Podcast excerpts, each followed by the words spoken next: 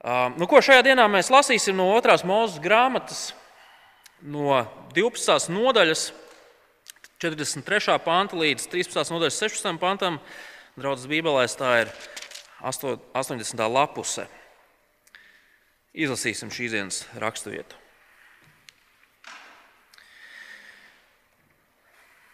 Un kungs teica Mozum un Āronam, tas ir noteikts paskas svētkiem. Neviens svešinieks, lai to nēd un ikvienu vērgu, kas par sudrabu pirkts, lai apgraiza. Tikai tad viņš var to ēst. Piemitējs un algādas, lai to nēd. Lai tas tiek ēsts vienā namā, neko no gaļas, lai neiznes no nama un kauls, lai nelauž. Lai tā dara visa Izraels sapulce. Ja kāds svešinieks mīt pie, jum, pie tevis un grib svinēt kunga pasku, tad lai tiek apgaizīti visi viņu vīri. Pēc tam tie var tuvoties un svinēt, jo tie būs kā pašu zemē dzimušie, bet neviens neapgraizītais, lai to nēd. Viens likums ir iedzimtajam un tam, kas pie jums apmeties. Un visi Izraēla dēli darīja, kā kungs pavēlēja Mozum un Āronam, tā viņi darīja. Tā pašā dienā kungs pulkiem izveda visus Izraēla dēlus no Eģiptes zemes. Kungs teica Mozum, svētī, svētī man ik pirmzimto, kas Izrēlā no, mātes, no miesām nācis gan cilvēkam, gan lopam. Tas mans. Un kungs teica ļaudīm, atcerieties dienu, kad jūs iznācāt no Ēģiptes, no vergu nama, jo ar stipru roku kungs jūs izveda. Raudzētu, lai nēd. Šodien abība mēnesī jūs izējat. Kad kungs jūs aizvedīs uz kanāniešu, hetiešu, amoriešu, hiviešu un iebūsiešu zemi, kā viņš zvērēja jūsu tēviem, ka dos zemi, kur piens un medus plūst, tad šajā mēnesī kalpojiet šādi kalpodami. Septiņas dienas ēdiet neraudzētu maizi, bet septītajā dienā svētki kungam. Neraudzēta maizi, lai ēd septiņas dienas, raugu pie jums, lai nemana, un ieraugu pie jums, lai nemana, nekur, kur jūs mītat. Tajā dienā tu stāsti savam dēlam, tas tādēļ, ka tā man darīja kungs, kad es iznācu no Eģiptes. Un lai tev ir zīme uz tavas rokas un piemiņas starp tavām acīm, lai kunga bauslība ir tavā mutē, jo ar stipru roku kungs tevi izved no Eģiptes. Tur šo likumu norādītajā laikā mūžu mūžos. Kad kungs tevi aizvedīs uz kanāniešu zemi, kā viņš tev zvērēja, tev un taviem tēviem, un dos to tev, tad, tad tu atdod kungam visus, kas pirmie no miesām nākuši Visi pirmie tēviņi no lopu metieniem kungam. Ik pirmdzimto ēzeli izpērts ar jēru, bet, ja neizpērts, pārlaustam kaklu. Izpērts ik pirmdzimto cilvēku starp saviem dēliem. Un kad rīt tavs dēls tev jautās, kas tas ir, tad saki viņam, ar stipru roku kungs mūs izved no Eģiptes, no vergu nama. Un kad faraons tiepās mūs laist, tad kungs nokāva ik pirmdzimto Eģiptes zemē. Gan cilvēki pirmdzimto, gan lopa pirmzimto. Tādēļ es upurēju kungam ikvienu tēviņu, kas pirmais no miesām nācis, un izpērku ikvienu no manu dēlu pirmzimtajiem. Lai tev ir zīme uz tavas rokas un piemiņa starp tavām acīm, jo es ar stipru, jo ar stipru roku kungs izveda mūs no Eģiptes. Lūksim Dievu. Dieva vārdā ir teikts, nemūžam neaizmirsīšu tavus rīkojumus, jo ar tiem tu man mani dari dzīvu. Debes Tēvs, Kungs, patiesi Tavā vārdā ir atklāts tas, kā varam iegūt dzīvību, tādu dzīvību, kas nekad nebeidzas. Tad nu šodien lūdzam, palīdz mums caur Tavu vārdu vēl skaidrāk ieraudzīt to, kāds Tu esi un to, kādi ir Tavi darbi. Amen. Neatkarīgi no tā, vai mēs sev pieskaitām pie jaunas galvas vai vecas galvas īpašniekiem, jūs piekritīsiet, mēs visi laiku pa laikam kaut ko aizmirstam. Ir lietas, kas ir pilnīgi un absolūti muļķīgas, ir ārkārtīgi muļķīgi. Bikšu kabatā aizmirst kaut kādas papīra salvetes, tādējādi visu to, kas ir veļas mašīnā, aplipinot ar izšķīdušu papīru. Tikpat muļķīgi ir aizmirst to, kur ir noparkots autiņš pie lielveikala un tā rezultātā sanāk klīst pa lietu ar, ar, ar izmirkušiem papīra iz, uh, iepirkuma maisiņiem rokās. Es nezinu, vai kādam tas ir gadījies vai nav. Tās ir tās smieklīgās lietas. Un tad ir lietas, kuras ir apkaunojoši aizmirst. Ir apkaunojoši aizmirst noteiktas jubilejas. dzimšanas dienas, vēl kādas svarīgas, svarīgas dienas. Um, ir apkaunojoši aizmirst to, ka pie tevis nāk ciemos kāds cilvēks, vai ka tev bija jābūt kaut kur ciemos. Un tad ir lietas, kuras ir šausmīgi aizmirst. Lietas, kuru aizmirstana noved pie traģēdijām. Runa ir par vēstures aizmirstšanu, piemēram. Tas, kam mēs esam liecinieki, šajā brīdī notiekam tepatās, netālu no mums, Ukrajinā. Tas ir piemērs tam, ka cilvēki ir aizmirsuši vēsturi. Aizmirsuši, vai pārrakstījuši, vai viena, vienalga kā. Bet kas ir aizmirsuši to, cik milzīgi ir lielvaru apetīte viscaur cilvēces gadsimtiem un cik grūti ir uzturēt mieru. Aizmirstot to, mēs varam attapties milzīgā traģēdijā. Bet, draugi, ir viena lieta, kuras aizmiršana novada pie absolūta posta, pie absolūta posta un mūžīga posta. Šīs dienas rakstu vietā mēs lasījām par trim svētkiem, kurus Dieva tautai ir pavēlēts atcerēties. Paskās, paskās svētkiem, neraudzētas maizes svētkiem un pirmdzimto novēlēšanas svētkiem. Šie svētki ir jāatcerās uz mūžu mūžiem, no paudzes paudzē. Kāpēc tā? Tāpēc, ka šie svētki izrēliešiem palīdz atcerēties kaut ko ārkārtīgi svarīgu. Proti, kungs, Jahve, Dievs, izrēliešus ar stingru roku ir izglābis no Eģiptes verdzības. Pieminot šos trīs dažādos svētkus, Izrēliešiem bija jāatcerās tas, ka kungs ir jāatcerās kungs, kurš īsteno tiesu un glābšanu. Šī pieminēšana ir kaut kas daudz vairāk nekā tāda vēsturiskā savu bērnu audzināšana, kaut kāds patriotisms, vai, vai karoga izkāršana, vai svecītas nolikšana. Nē, šajos svētkos izrēlieši ir aicināti piedalīties ar visu savu dvēseli, ar visu savu sirdi. Tad, kad ir šie svētki jāsvin, mēs tur esam. Mēs, mūsu bērni, mūsu kalpi, viss ir pakārtots šo svētku svinēšanai, lai pieminētu to, ko kungs ir darījis. Protams, draugi, mēs kā kristieši neesam aicināti svinēt šos svētkus, un arī šīs dienas raksturvietas pielietojums mūs nebudina atgriezties pie šāda veida svētkiem. Par to vispār nav runa. Taču aiz šiem svētkiem ir kāds svarīgs princips, kas attiecās uz mums. Tas ir saistīts ne tikai Izraēlam senos laikos, bet tas ir saistīts mums visiem šodien. Jo arī mēs, kā kristieši, esam aicināti atcerēties kungu, kurš glābi, atcerēties kungu, kurš tiesā. Un kāpēc tas ir svarīgi? Tāpēc, ka neatceroties par Dievu, viņa vietā nāks citi dievi. Aizmirstot par kungu, mūsu dzīvēs ienāks citi kungi, elki.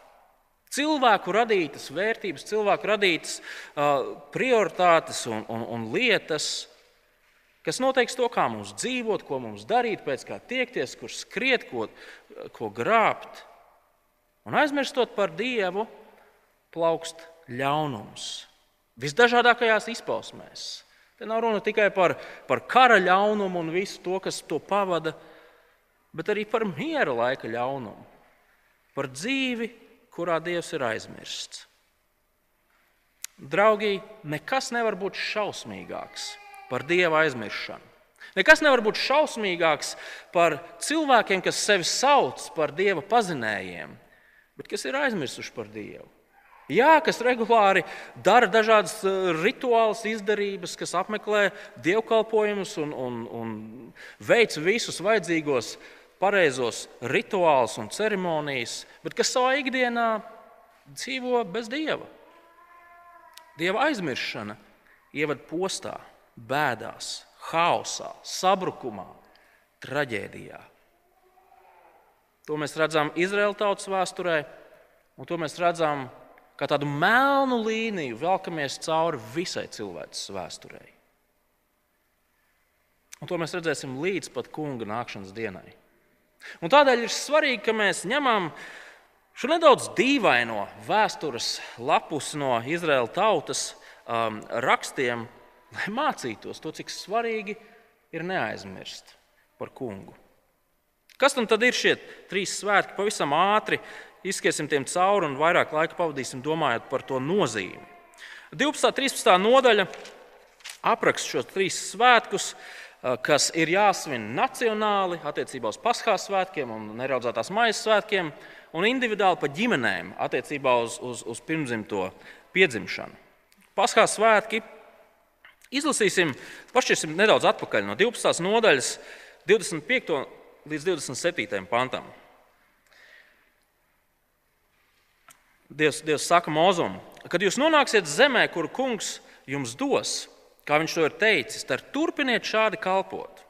Kad jūsu dēli jums vaicās, kas jums šī par kalpošanu, tad sakiet, šis ir Paskas upuris kungam, kurš pagāja garām Izraēla dēlu namiem Eģiptē, kad viņš sodīja eģiptiešus, bet mūsu nami tika izglābti. Un tauta zemojās un klanījās. Tas, ko mēs šeit redzam, ir pavēle. Katra gada Abība mēnesī, tas ir gada sākums, 14. datumā Izraēla tautai pa namiem ir jākauj jēri, jācep, jāēd un jāpiemina šī lieta. Ka Dievs viņus ir izglābis no tiesas, kas nāca par bezdieviem, um, pasargājot izrēliešus. Un kā mēs redzam, šie, šī svētki pieprasīja visas saimnes klātbūtni. Tur ir tēvs, māma, opis, ome. Visi, kas tur ir, sanāk kopā bērni, mazmazbērni un, un arī, un arī kārņonkulis. Visi tur ir. Un mēs redzam, ka ģimenes galva svētku laikā viņa pienākums ir skaidrot, kāpēc mēs to svētkus svinam. Mēs šeit neesam atnākuši tikai jēra kebabus ēst, bet mēs atzīmējam kaut ko ļoti, ļoti nopietnu. Kaut ko nopietnāk nekā vienkārši iemācīsim būt par kārtīgiem jūdu patriotiem. Nē, tas ir aicinājums atcerēties kungu un to, ko kungs ir darījis. Katru gadu, gada sākumā, 14. dienā, jums ir jāsvin Paskās svētki. Otrie svētki, kas ļoti līdzīgā veidā tiek pavēlēti, ir neraudzētās maizes svētki. Šie svētki sekoja tuliņ aiz Paskās svētkiem. Proti, no 14. No 14. datuma vai no 15. datuma jūdiem jūdi nedēļu nedrīkstēja ēst raudzētu maizi.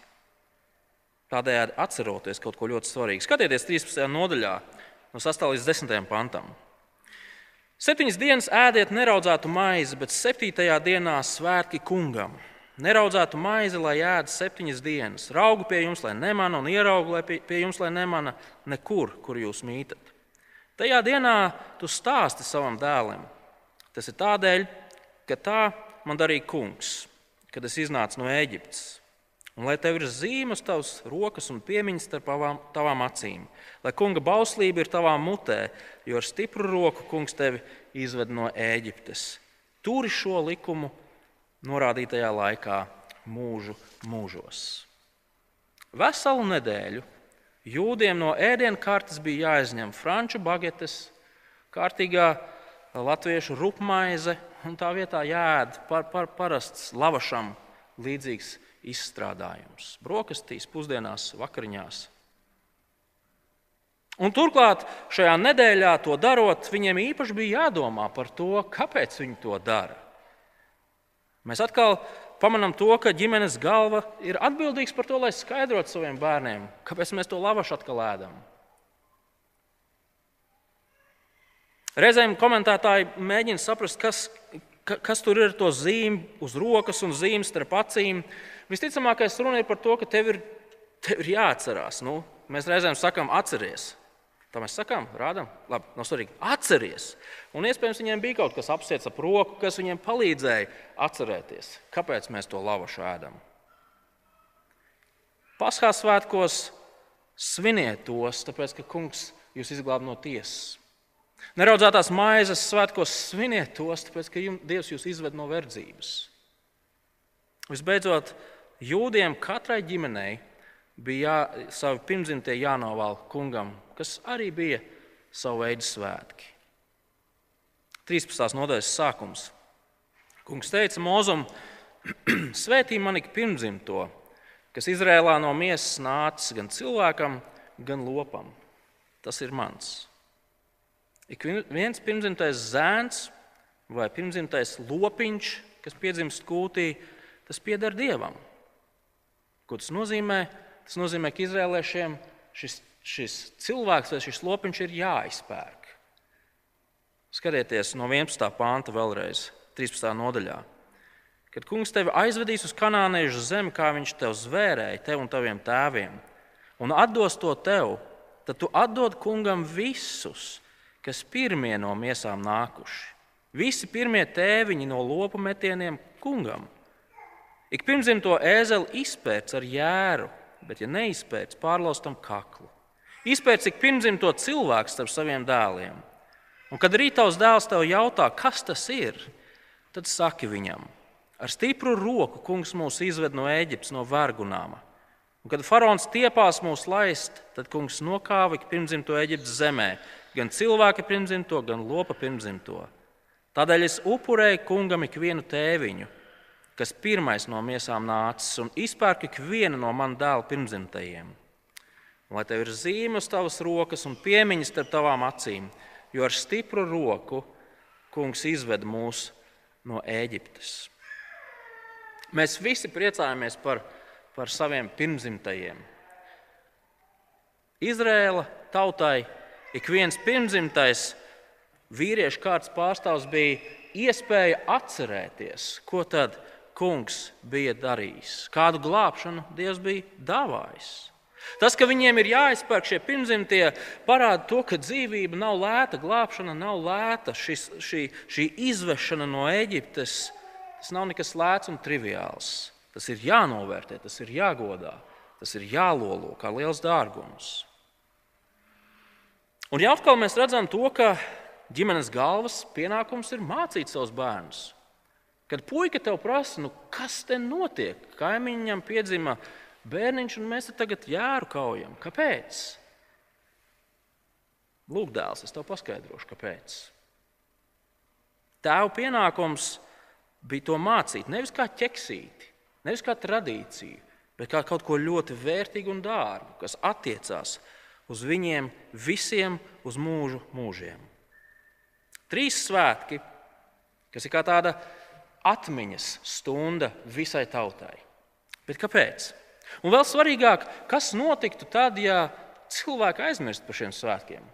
aizmirst svinēt šos svētkus, aizmirst šo svētku nozīmi un pārvērst tos par tādiem ķeksīšiem, kurus viņi katru gadu atzīmē savos kalendāros. Redziet, šie svētki, jūs jau redzējāt, viņi ir ar vienu konkrētu mērķi - palīdzēt atcerēties par kungu. Reizēm mēs, domājot īpaši par paskās svētkiem, manuprāt, arī lietojam tādu salīdzinājumu, ka tie ir svētki, kas ir līdzīgi mūsu latviešu neatkarības svētkiem, ko mēs svinam novembrī. Tie svētki, kad mēs, kā latvieši, mēs vienoti pieminam to, kas notika pirms daudziem gadiem, lai mēs iegūtu savu neatkarību, lai mēs iegūtu savu brīvību. Un mēs esam pateicīgi tiem vīriem un, un, un sievietēm, kas deva savas dzīvības, lai mums būtu brīvība. Un, draugi, tas nav nepareizi. Mēs esam aicināti to darīt, un tieši uz to pašu bija aicināti arī izrēlieši caur šiem trim dažādajiem svētkiem. Taču, manuprāt, autors vēlas uzsvērt kaut ko ļoti, ļoti svarīgu. Autors grib, lai mēs ejam viens solīti tālāk. Izlasīsim vēlreiz, um, nevis visu raksturvietu, bet dažus pantus pie katra no šiem svētkiem par, kur tiek izskaidrots iemesls, kāpēc šie svētki ir jāsvin. 12. nodaļas 26, 27. Kad jūsu dēli jums vaicās, kas jums par, šī par kalpošanu, tad sakiet, šis ir paskas upuris kungam, kurš pagāja garām Izraēla dēlu namiem Eģiptē. Kad viņš sodīja eģiptiešus, bet mūsu nami tika izglābti. 13. nodaļas 8. pants. Tajā dienā tu stāsti savam dēlam. Tas tādēļ, ka tā man darīja kungs, kad es iznācu no Ēģiptes. 13. nodaļas 14. pāns. Un kad rītaus dēls tev jautās, kas tas ir, tad saki viņam, ar stipru roku kungs mūs izveda no, Ēģi, Eģiptes vergu nama. Draugi, izrēliešiem bija jāatceras ne tikai, ja tā tēlēni var izteikties, jāatceras dāvana, viņiem bija jāatceras dāvanas devējs. Kungs bija tas, kurš viņus izglāba no tiesas, kas nāca pār eģiptiešiem. Kungs bija tas, kurš viņus izveda no verdzības. Tas bija varenais pasaules radītājs, derības dodošais, slēdzošais, apsolījums dodošais un piepildošais Dievs. Neviens cits kā kungs. Tad, kad tu svin šos svētkus, atceries par kungu, atceries par kungu, atceries par kungu. Un, manuprāt, 12. nodaļas izskaņā esošie norādījumi par to, kas drīkst piedalīties šajos svētkos, jā, no vienas puses parāda to, ka Izraēla tautai ir īpaši un šos svētkus, paskās svētkus var svinēt tikai tie, kas pieder Dieva tautai. Taču tas, ka šajos pantos ir aprakstīts, ka šos svētkus var sākt svinēt cilvēki, kas neko par iziešanu nezina, iespējams, daudzus gadsimtus vēlāk vispār pievienojās no citas tautas. Tas, manuprāt, rāda, ka šeit ir runa ne tikai par pašiem svētkiem un to notikumu, bet te ir runa par kungu, kuru viņi piemin šos svētkus svinot. 12. nodaļas 48. un 49. pants. Ja kāds svešinieks mīt pie tevis un grib svinēt kunga pasku, tad lai tiek apgaizīti visi viņu vīri. Pēc tam tie var tuvoties un svinēt, jo tie būs kā pašu zemē dzimušie bet neviens neapgraizītais, lai to nēd. Viens likums ir iedzimtajam un tam, kas pie jums apmeties. Izrēliešiem ar šiem svētkiem ir, ir jāatcerās, ka viņu brīvība, viņu dzīvība, tas, ka viņi ir savā zemē, tas, ka viņi elpo, tas, ka viņi apstrādā savus tīrumus, tas, ka viņi jāj ar saviem ēzeļiem, tas viss ir kunga dēļ. Visa otrā mūzes grāmata atklāja Dievu, to, kāds viņš ir, to, ko viņš dara, ko viņš ir iecerējis. Taču šī grāmata izdara vēl kaut ko fundamentālāku. Tā atklāja to, ka ir tikai viens Dievs, kurš ir radījis pasauli, kurš to pārvalda, kurš spriež tiesu, kurš dāvā glābšanu. Šī grāmata mūs mudina atcerēties ne jau to, ka ir Dievs, bet gan to, ka šis Dievs ir Dievs, kurš tiesā un glābj. Redziet, reizēm cilvēki, um, kad, kad viņi runā par Bībeles dievu, viņi uzskata, ka viņš ir viens starp daudziem. Nu, pat kā bija Olimpiskās spēles, daudz dažādu valstu pārstāvju, viņi visi iznāk tajā arēnā. Un, un tad viņi sāk sacensties viens ar otru, lai noskaidrotu, kurš tad ir stiprākais kādā konkrētā uh, sporta disciplīnā. Tad, kad mēs runājam par Dievu, Dievs nav viens starp, starp citiem dalībniekiem. Ir tikai viens Dievs. Un viņš sevi atklāja šeit. Viņš sevi ir atklājis šādi, caur, caur glābšanu, caur tiesu.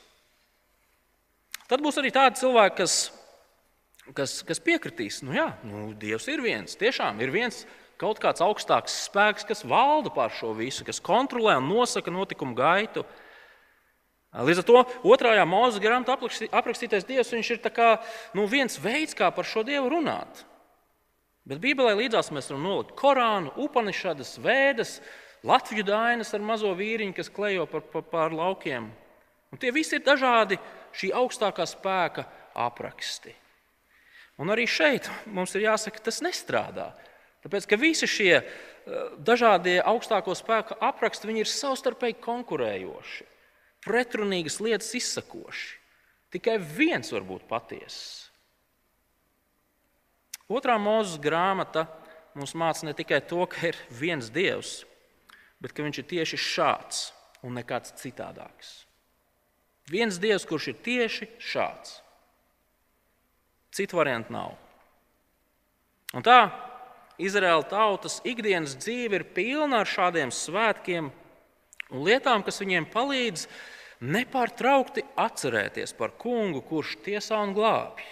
Katram gadam iesākoties, viņi sāk ar svētkiem, kas liek atcerēties par kungu, kurš tiesā un glābi. Ikreiz, kad viņi saņem īziņu, mums ir piedzimis puika, tas liek atcerēties par to, ka Dievs ir tiesā un glābi. kad ezelīts ienāk pasaulē, puiku ēzelis. Tā ir iespēja Izrēlam atcerēties un pieminēt, ka Dievs ir tas, kurš tiesā un glābj. Bet kāpēc ir tik svarīgi par to atcerēties?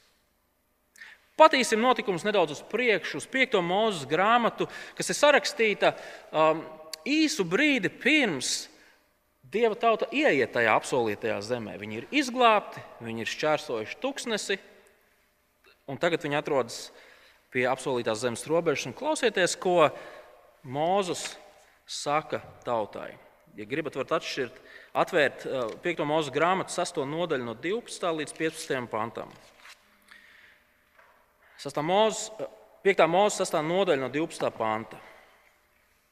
Tad sargies, ka neaizmirsti kungu, kurš tevi izveda no Eģiptes zemes, no vergu nama. Bīsties kunga sava dieva, kalpo viņam un zvēri pie viņa vārda. Nesako citiem dieviem, to tautu dieviem, kas tev apkārt. Jo kungs tavs dievs ir greizsirdīgs dievs, ka kunga tava dieva dusmas neiedegas pret tevi un ka viņš tevi neiznīcina no zemes vaiga. Draugi, Mozus ļoti skaidri izrēliešiem saka, ja jūs aizmirsīsiet par īsto vienīgo dievu, jūs sāksiet sekot neīstajiem dieviem, apkārtējo tautu dieviem. Taču, sekojot apkārtējo tautu dieviem, tev ir jārēķinās ar sekām, dievu dusmām, dievu tiesu. Viss ir tieši tik vienkārši. Tu aizmirsti par Dievu, kurš ir tiesnesis un glābējs, un tu esi nolemts postam un pazušanai. Un, un es gribu mūs visus mierināt ar to, ka te jau nav runa par to, ka izrēlēšiem laiku pa laikam kāja paslīdēja. Nē, Dievs jau no paša sākuma zināja, ko viņš ir izredzējis. Galu galā, tāpēc jau viņš dod veselu likumu lērumu par to, kā šiem nepilnīgajiem izraeliešiem, kas ir grēcinieki, ir jāpienes upuri pēc upuri, lai viņi varētu būt svētā nevainojamā Dieva priekšā par spīti savai nepilnībai un grēkiem. Tas, par ko Mozus šeit runā, ir pakāpeniska, lēna trajektorija prom no Dieva. Te viņš nerunā par klumpurējošiem grēciniekiem. Te viņš runā par cilvēkiem, kas izvēlās aiziet projām no Dieva, kas izvēlās pieņemt citus dievus. Šādiem cilvēkiem būs jāsaskars ar Dieva taisnīgo tiesu. Šīs dienas raksturvieta mums liek skatīties lielajā bildē, caur, caur izrēliešu acīm. Šie svētki ir jēgpilni, un tie ir jāsvin ne tikai cilvēkiem, kas reāli piedzīvoja to iziešanu, kas reāli piedzīvoja paskā, paskā svētkus vai to paskā notikumu, bet tie ir jāsvin katrai nākamajai paudzei cauri gadsimtiem, mūžu mūžos, uz visiem laikiem. Lai pazaudētu ticību un patiesību, nemaz jau tik daudz nav vajadzīgs. Ir vajadzīga viena paudze, kas šo ticības patiesību nenodod tālāk, lai tā ķēde sabruktu. Un tādēļ izrēliešiem šie svētki ir jāsvin katru gadu. Jāsvin mērķiecīgi, skaidrojot lietas, lai arī nākamā izrēliešu paudze varētu šo pašu svētku svinēt, jēgpilni ar nozīmi, mācot par šo kungu, kurš tiesā un glābj saviem bērniem, mazbērniem, mazbazbērniem.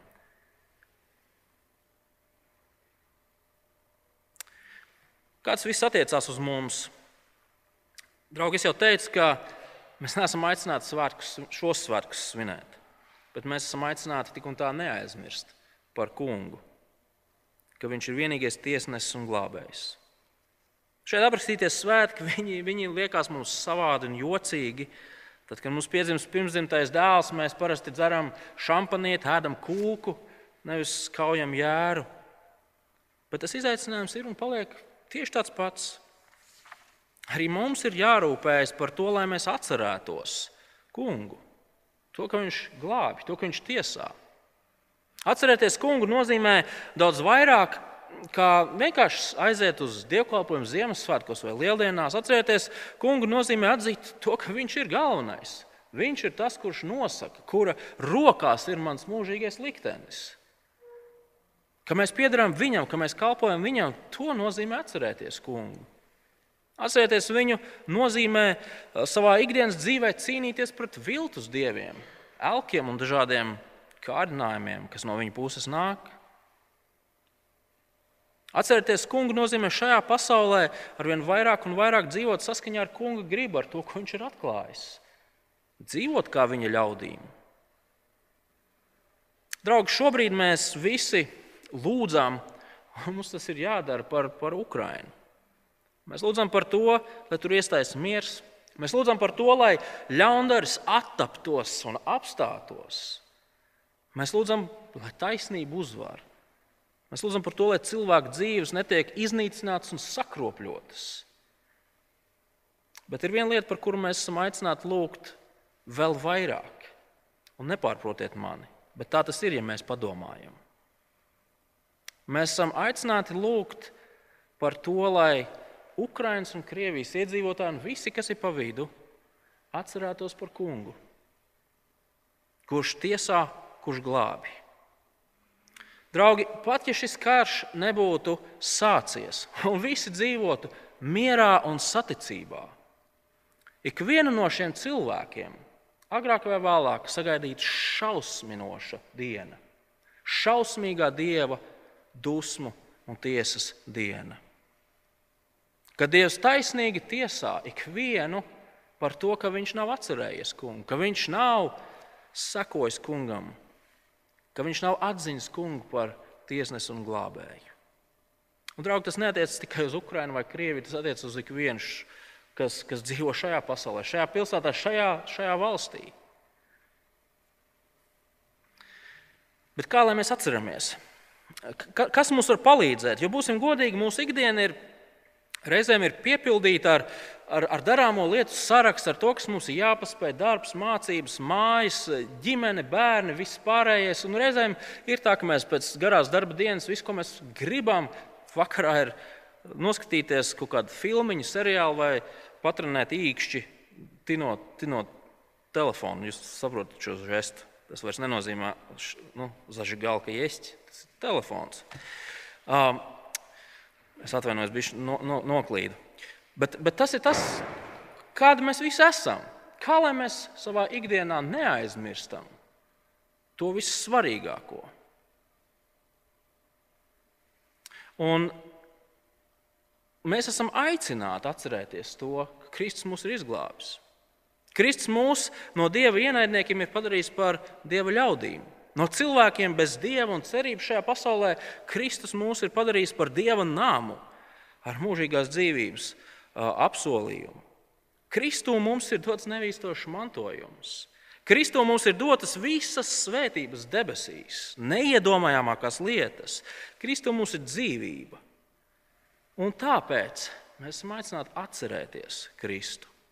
Viņš ir kungs, viņš ir valdnieks pār mums šodien un nākotnē. Viņš ir glābējs, mēs piedarām viņam. Un kādu dienu viņš tiesās šo pasauli. Draudze, mēs esam visi kopā Dieva ļaudis. Jā, mēs esam grēcīgi, reizēm stumjami un bīdām, bet mēs esam Dieva ļaudis. Un Dievs mums, kā saviem ļaudīm, ir devis divas lietas, kas mums var palīdzēt atcerēties par kungu. Divas lietas, pavisam vienkārši, un mēs viņus abas esam praktizējuši un praktizēsim savā draudzē. Pirmā lieta ir sakramenti. Mēs, mēs nākam pie vakarēdienas, lai pieminētu to, kā Kristus deva savu dzīvību, lai mums dāvātu brīvību. Vakarēdienas nav ķeksītas svētdienas dievkalpojumā reizi mēnesī. Vakarēdienas nav kaut kāda mistika. Vakarēdienas nedāvā kaut kādas superspējas un bonusus mums. Tas ir brīdis, kad mēs ar visām savām maņām varam sev atgādināt, viens uz otru skatoties. Kristus ir man izglābis no Dieva tiesas un dāvājis man mūžīgo dzīvību. Līdzīgi arī, līdzīgi arī kristības sakraments.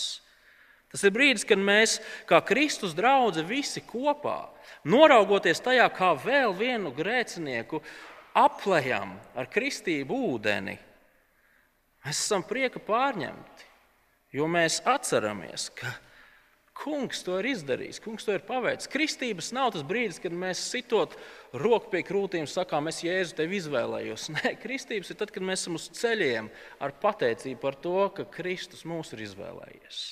Brīdis, kad mēs kā draugi varam atcerēties, ka Kristus mūs ir izglābis no Dieva taisnīgās tiesas un glābis mūžīgai dzīvībai. Sakramenti ir pirmā lieta, kas mums reāli palīdz atcerēties. Un otra lieta - Dieva vārds.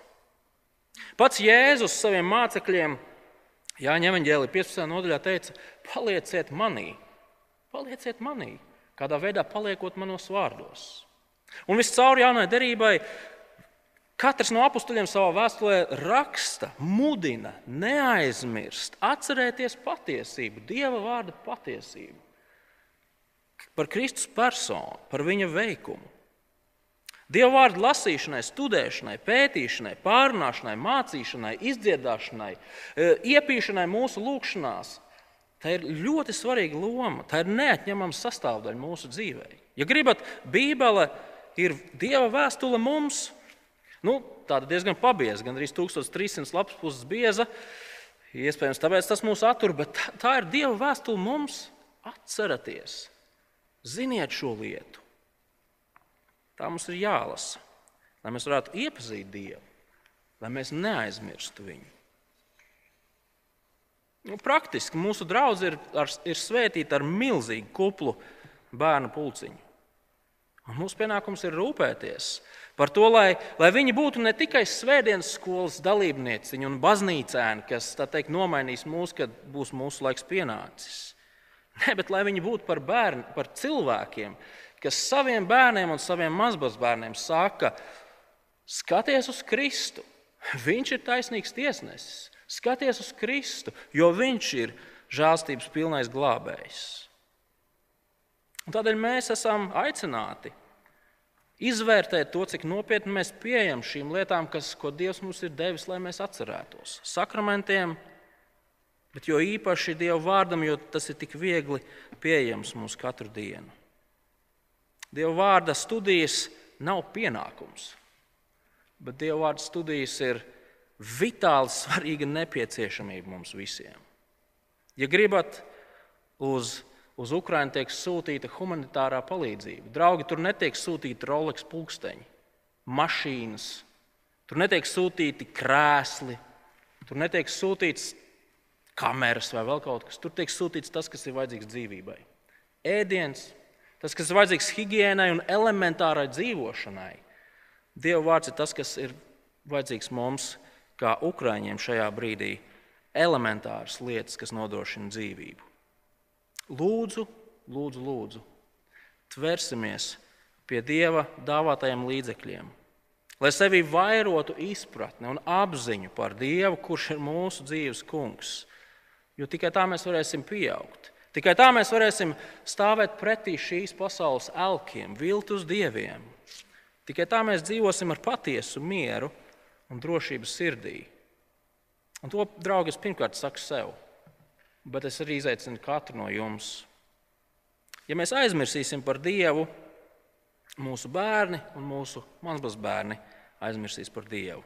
Ja mēs aizmirsīsim par Dievu kā tiesnesi un glābēju, mūsu līdzcilvēkiem vispār nebūs iespēja dzirdēt evaņģēlīju. Un, un pievienoties tam neskaitāmajam pulkam cilvēku, kas kādu dienu stāvēs pie taisnīgā tiesneša, žēlīgā glābēja troņa un slavēs viņu par to, ko viņš ir paveicis.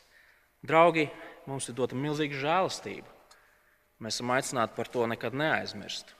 Un par to stāstīt saviem bērniem, mazbērniem, kaimiņiem, radiem, kolēģiem Un kas to zina? Varbūt kādien arī Ukraiņas iedzīvotājiem, kas plūdīs pie mums. Lūksim Dievu.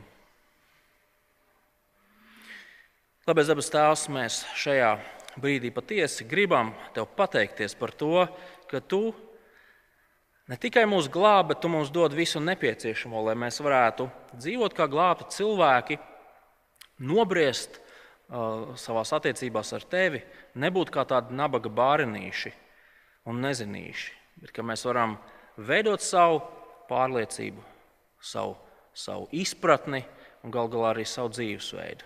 Lūdzam, dod mums visiem spēku savā žēlstībā, patiešām kļūt par nobriedušiem cilvēkiem, kas atceras par tevi savā ikdienā un kas stāsta par tevi, lai kur vien mēs neietu. To mēs lūdzam Jēzus vārdā. Amen.